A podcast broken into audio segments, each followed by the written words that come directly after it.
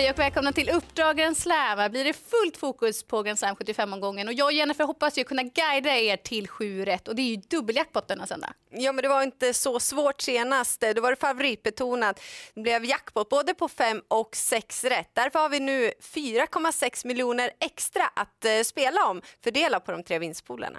Och det var ju Daniel Redén som dominerade förra veckan och det blev ju låg utdelning. Och den här gången så är det ju Svante Båt med flera starka kort på hand. Och vi återkommer senare i programmet med hans tankar. Men först förutsättningarna, Örebro som bana. En bana som sticker ut. Det är kort upplopp, endast 175 meter långt. Då kör vi igång. Här kommer veckans heta.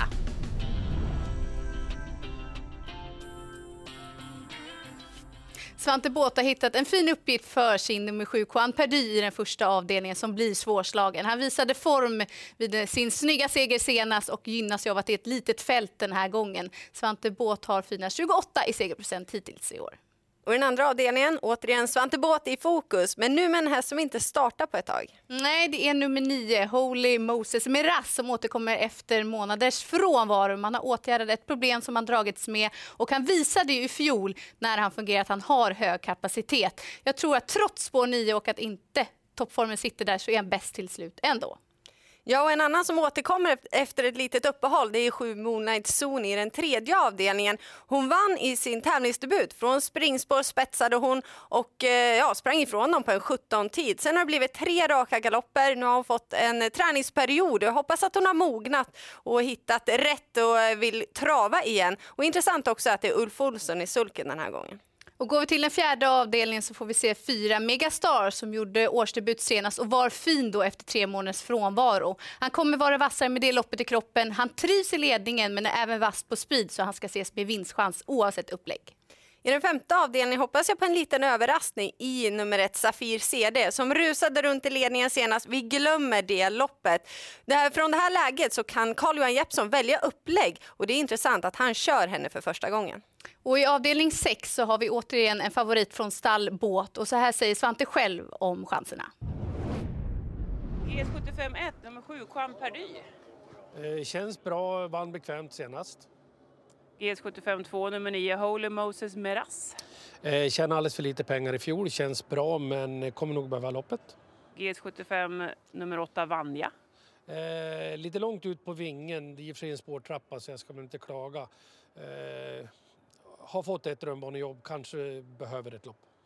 GS75 6, nummer 9, Twigs Honor. Eh, väldigt bra när han tävlar på högsta nivån men det har varit mycket fallgropar. Vi har fått börja om med han lite grann och känns bra nu i alla fall men jag tror också han behöver loppet. Vilken eller vilka har du allra bäst känsla med av de här? Kwan Perdy har ju deklarerad form och, och ett eh, ganska litet fält så jag måste ju tro mest på honom. Ja, men vi håller ju med Svante. Quamperdy är ju hans bästa chans. De övriga tre vågar han ju inte riktigt tro på. Det är klart, det är årsdebut, lite svårbedömd form, men vi tror ju på dem. Ja, men vi har ju studerat motståndet noggrant och kommit fram till att de behöver inte ha toppform för att kunna vinna. Därför vill jag lyfta fram nummer 9 Twigsaner i den sjätte avdelningen. Han var ju med i självaste kriteriefinalen i fjol och håller han sig bara i rätt gångart, han är inte helt att lita på, men då är han ju tuff nog att eh, runda hela gänget. Och Svante Båths fina stallform, den har vi nämnt, men det finns ju fler med fin stallform. Ja, ännu bättre till och med. 29 i segerprocent. Det har ju Filip Wahlström Deluca. Och i den eh, sjunde avdelningen där har han fem Melby Highball till start som har hunnit med tre starter i hans regi och gjort det väldigt bra. Och senast då blev det också en efterlängtad och välförtjänt seger. Och jag tror att formen är fortfarande stigande så han blir segerfarlig. Det var våra heta omgången. Här kommer veckans Kalla.